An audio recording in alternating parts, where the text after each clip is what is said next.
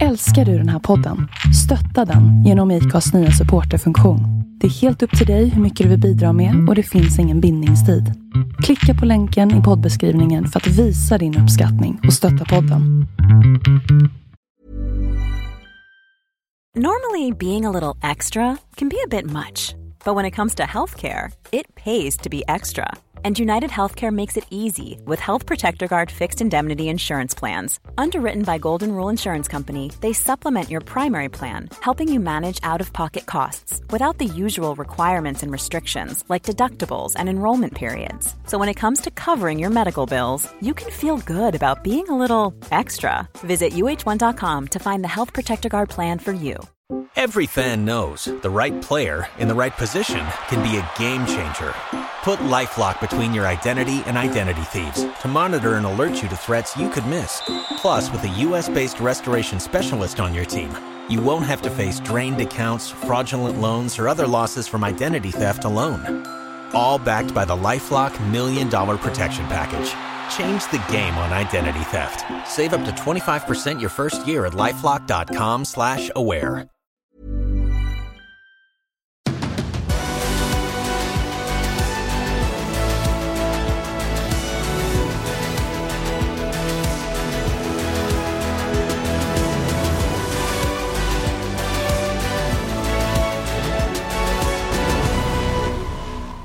Hej! Välkommen till en eh, ny MotoGP-podd och det är eh, racevecka.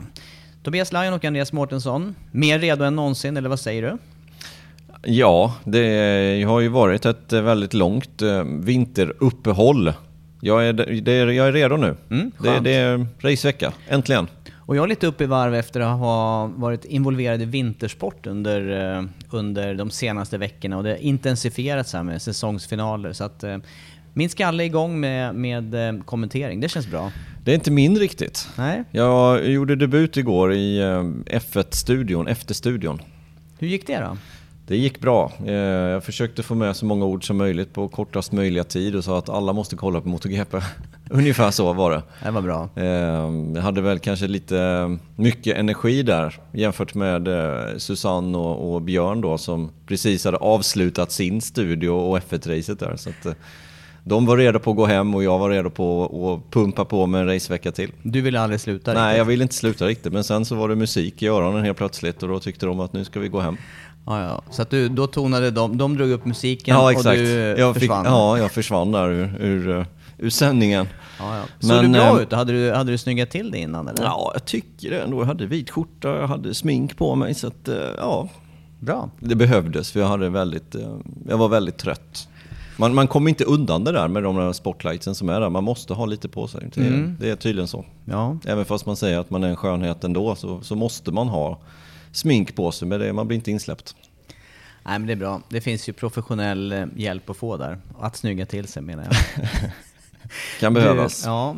Ehm, intressant vecka framför oss här med, eh, med eh, premiär i eh, Portugal och sen kommer det bara smälla till här med race. Jag, ibland så hissnar antalet race när man tänker på hur mycket de ska köra i år. Ja, eh, F1-gänget säger ju också att de, de har en hektisk säsong, hektisk säsong eh, och de har redan kört två och de har 21 kvar.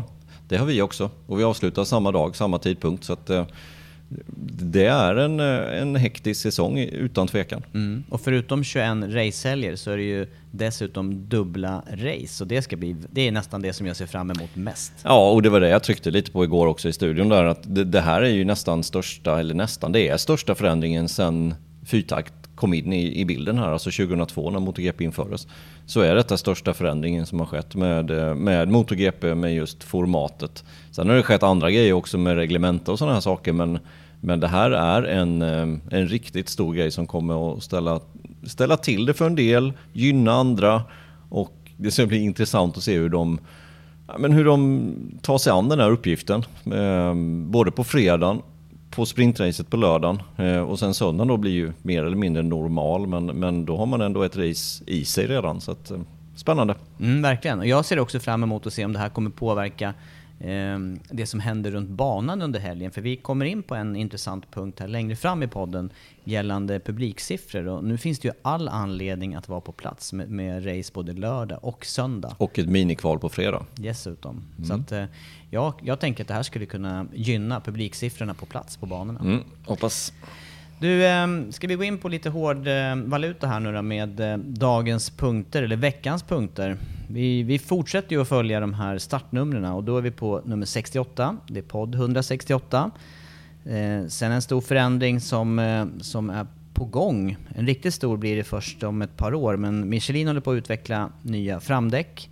Och eh, till i år så blir det också lite skillnader i eh, antal däck och vilka blandningar man kan välja. Så det ska vi ha som en punkt. Och sen eh, gäller det ju såklart testerna och säsongspremiären. Och eh, dessutom, intressant, har vi fått in massor utav frågor ifrån, eh, ifrån eh, vår Facebookgrupp. Så Mm. det, känns, det känns roligt att hinna behandla också. Absolut. Du, jag tänker att den här eh, 68 som vi inleder med, det får ju vara en liten kortare punkt. För här har vi ingen riktigt stor förare, men vi har en förare som har kört MotoGP en hel del. Mm. Jag tänker i alla fall på Johnny Hernandez här. Det gör jag också. Eh, Det är den 68 som, eh, som dyker upp och eh, var aktiv några säsonger. Mm. Han hann i alla fall med 87 MotoGP-race. Eh, lite imponerande när jag kikade i hans statistik där. Och en förare som eh, väl egentligen aldrig stack ut fullt ut i, i positiv bemärkelse där. Cirkulerar ofta runt 10-15 plats i racen. Men han var ju väldigt duktig när det var lite svårare förhållanden. Mm. Ja men det var, när det var regn så var han ju grymt snabb faktiskt och, och var ju väldigt nära på att vinna ett race. Ehm, vi nämnde det här innan vi, vi började spela in där, att det, det är egentligen det jag kommer ihåg honom från. att han, han hade ledningen på det här regnstörda racet eh, på Assen 2016 när han gick omkull och jag tror det var i kurva 1 som han till slut gick omkull i ledning. Eh, nu blev det ju lite spektakulärt ändå för det var ju det racet som eh, Jack Miller vann och, det var ju också en, en superskräll på den där Hondan som ja, kundteams Hondan på i Mark VDS. Ja, den som de fick hyra för, vad var det, 12 miljoner om året eller någonting? Något sånt som inte var bra nog helt enkelt. Nej. Eh, Men den gick han och vann på och, och det var nära att Johnny Hernandez vann där. Men han, hade ju, som sagt, han var stark i, eh, i svåra förhållanden men han kraschade också väldigt, väldigt mycket. Mm. Eh, Ändå en populär förare och jag som gillar underdogs generellt tyckte att det var, det var roligt när han var uppe och krigade om, om placeringar och framförallt då som vi var inne på i sämre förhållanden. Men han var sjua som bäst i eh, karriären i MotoGP. Det var han i Malaysia 2014 och sen eh, ett gäng Moto 2-starter också innan MotoGP-karriären. Eh, två sjätteplatser, bästa resultat. En ganska spektakulär förare som, som körde, han körde lite yvigt och lite brett. Och han tilltalar min, mitt öga i alla fall. Det brukar göra det. Ja, jag gillar ju sånt. så? Ja. Mm. Men du, och sen så dessutom så eh, är han ju från Colombia ursprungligen och eh, jag tänker att det var en av anledningarna till att eh, man också hade med honom länge i MotoGP, att ha en representant ifrån Sydamerika. För att när, när Barros slutade där så fanns det plötsligt ingen som representerade i största klassen. Det, det, har inte, det har inte riktigt varit så från Sydamerika. Nej. Porto tänker jag annars på också i Sebastian. Porto. Ja. Mm. Var ytterst nära på att vinna titeln i 250. Gick inte. Nej, tyvärr inte där. Nej men Hernandez då som bästa, han hade ju också, att tillägga också, var ju att han inte körde med så bra team eh, generellt. Han hade aldrig egentligen det bästa materialet utan Pramac-teamet var väl det bästa han åkte för. Och det Mm. var ju när de inte var på sin topp heller riktigt. Nej, det var, det var ju när Ducke inte var tillräckligt bra. Nej. Nej, jag har inte något annat om Hernandez. Vill du tillägga någonting där Nej? MotoGP-karriären tog slut 2016. Eh, sen gick han till Moto2 en halv säsong. Eh, efter det till Superbike-VM en säsong utan någon succé egentligen. Avslutade väl karriären med eh, Moto E. Mm.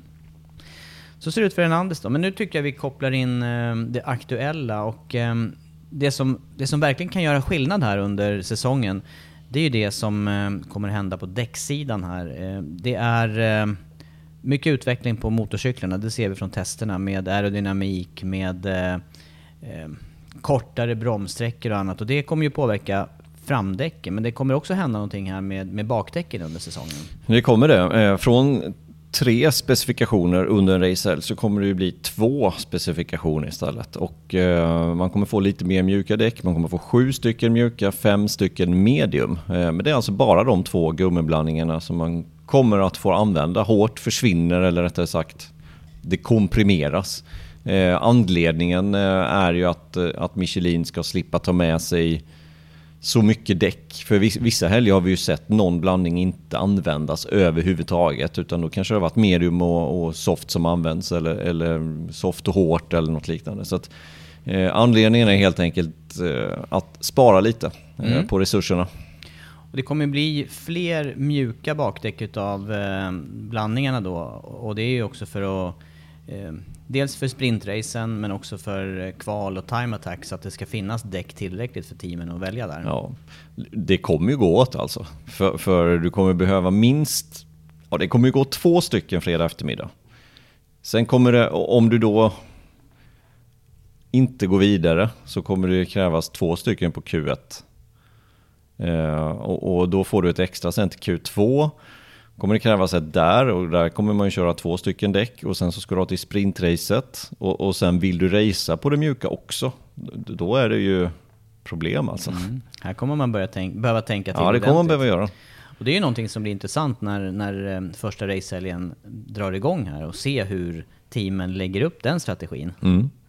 Men, eh, men just det här också som vi har sett, eh, jag tänker på det racet i Österrike, Red Bull Ring med Johan Mir när han eh, var på väg mot segern på Suzuki. Mm. Och så blev det omstart och de hade inget nytt däck att lägga på där. Nej.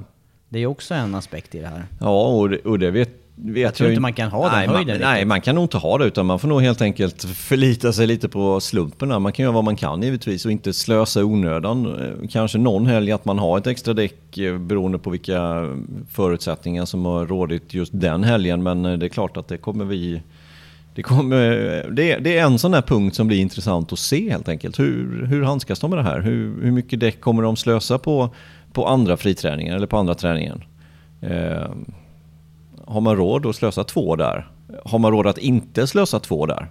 För går du inte vidare, då spelar det ingen roll. Nej, nej, då har du plötsligt ett överskott Ja, däck. då, vad ska Eller, du med däcken till? Nej, precis.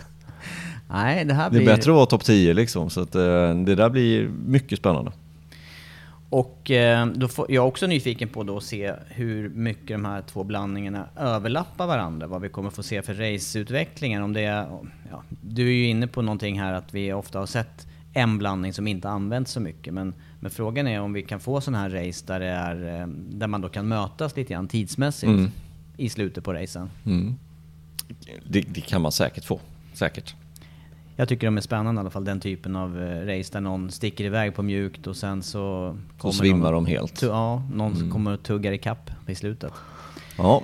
Sen också utveckling då. Vi vet att eh, vi träffade eh, redan förra året i Texas Piero Taramasso från Michelin. Eh, han pratade om de här skillnaderna som man redan under fjolåret såg på framdäcken, hur mycket extra press de, de behöver utstå med tanke på alla, all aerodynamik och senare bromsningar och så. Och där, där håller man på att utveckla ett nytt framdäck. Det håller man på Man håller på med ett helt, helt nytt som eh, kommer göra debut 2025. Men det är ju några säsonger fram. Eh, tills vidare så har man ju tagit fram ett annat nytt framdäck av den, en, av den eh, befintliga designen så att säga. Som, som de har testat här nu både på Misano och i Malaysia. Som som gummit är ungefär som medium, mellan medium och hårt, men det är stabilt som ett hårt framdäck. Och det har vi sett många gånger, speciellt på KTM och Honda. De, de måste välja det här hårda framdäcket för att få stabiliteten. Men då går de miste om greppet istället. Så att där någonstans försöker de väl hitta någon, ja, någon kombination där för att få till det här. Men, men som sagt, detta tillhör ju den befintliga designen och eh, de har, håller alltså på att utveckla ett helt helt nytt. Eh, med en helt ny design och det ska väl förhoppningsvis eh, börja testas här framåt eh, vår, sommar av testförare och sen kanske då att, eh, att fabriksförarna kan få testa det i slutet av året. Men alltså inte premiär i race-sammanhang förrän 2025. Det är en viktig faktor har vi ju märkt i racingen att ha bra framdäck. Och han pratade, jag minns att vi snackade länge med honom när vi var på Collins Ranch där och eh, han pratade ju redan då om att de här utvecklingscyklerna för just framdäck är väldigt långa. Det är, inte, ja. det är inte som bakdäck. Och med eh, en säsongstart som eh, ligger väldigt nära, bara några få dagar bort, så märker vi även hur intresset kring den här podden har ökat och en hel del eh, personer har ju tecknat sig som Patreon-medlemmar.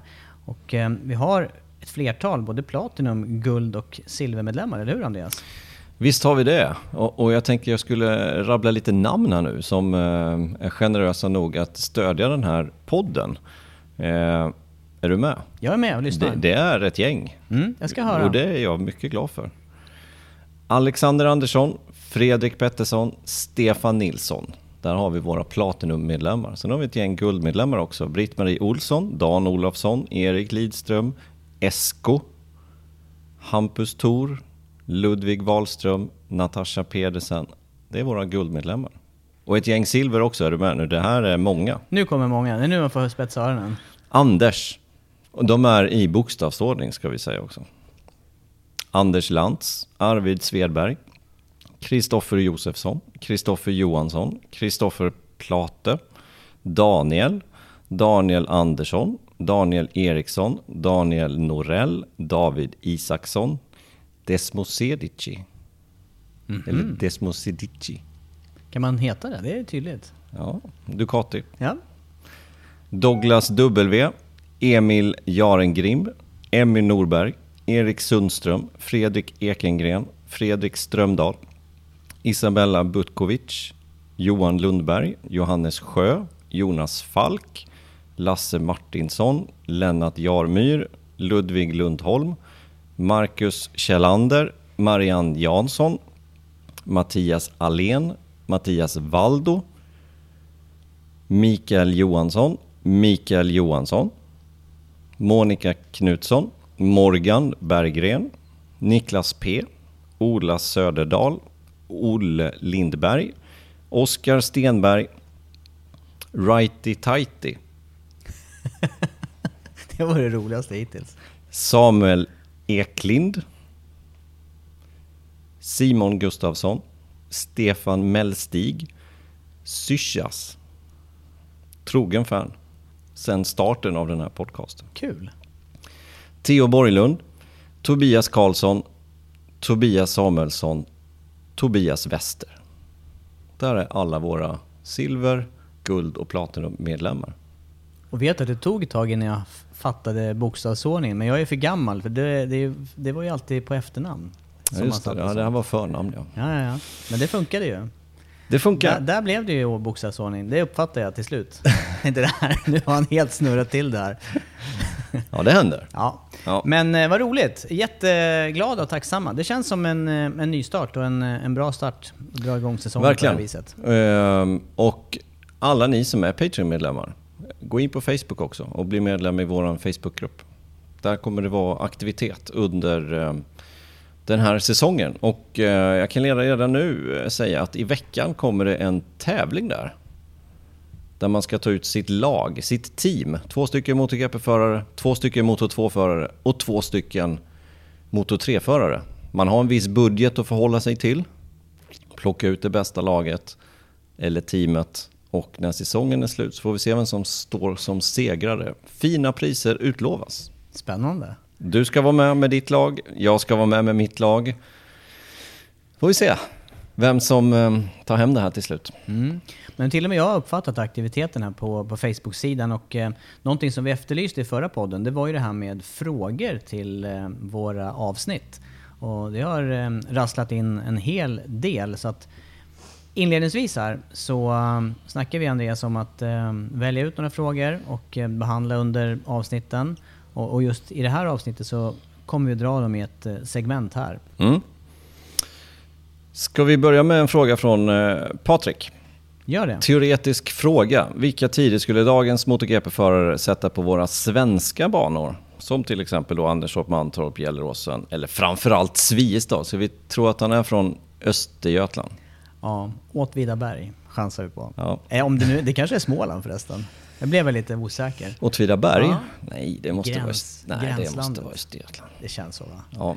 Men du, eh, det, vilken spännande fråga. Och det får ju bli högst teoretiska svar här. När, när den här frågan dök upp så sa jag ju spontant till dig att det här, måste, här kan vi ju bara snacka Anderstorp. För de andra banorna, ja det skulle vara intressant att se en MotoGP-cykel på just Svista. På Svista. Ja, eller hur? Eh, men eh, men vi, fick ju, vi fick klura lite grann på hur vi skulle besvara den här frågan. Och för att lyssna på avsnittet i sin helhet behöver du bli Patreon-medlem. Gå in på patreon.com MotoGP-podden. Det ger även tillgång till vår Facebook-grupp som är exklusiv för Patreon-medlemmar.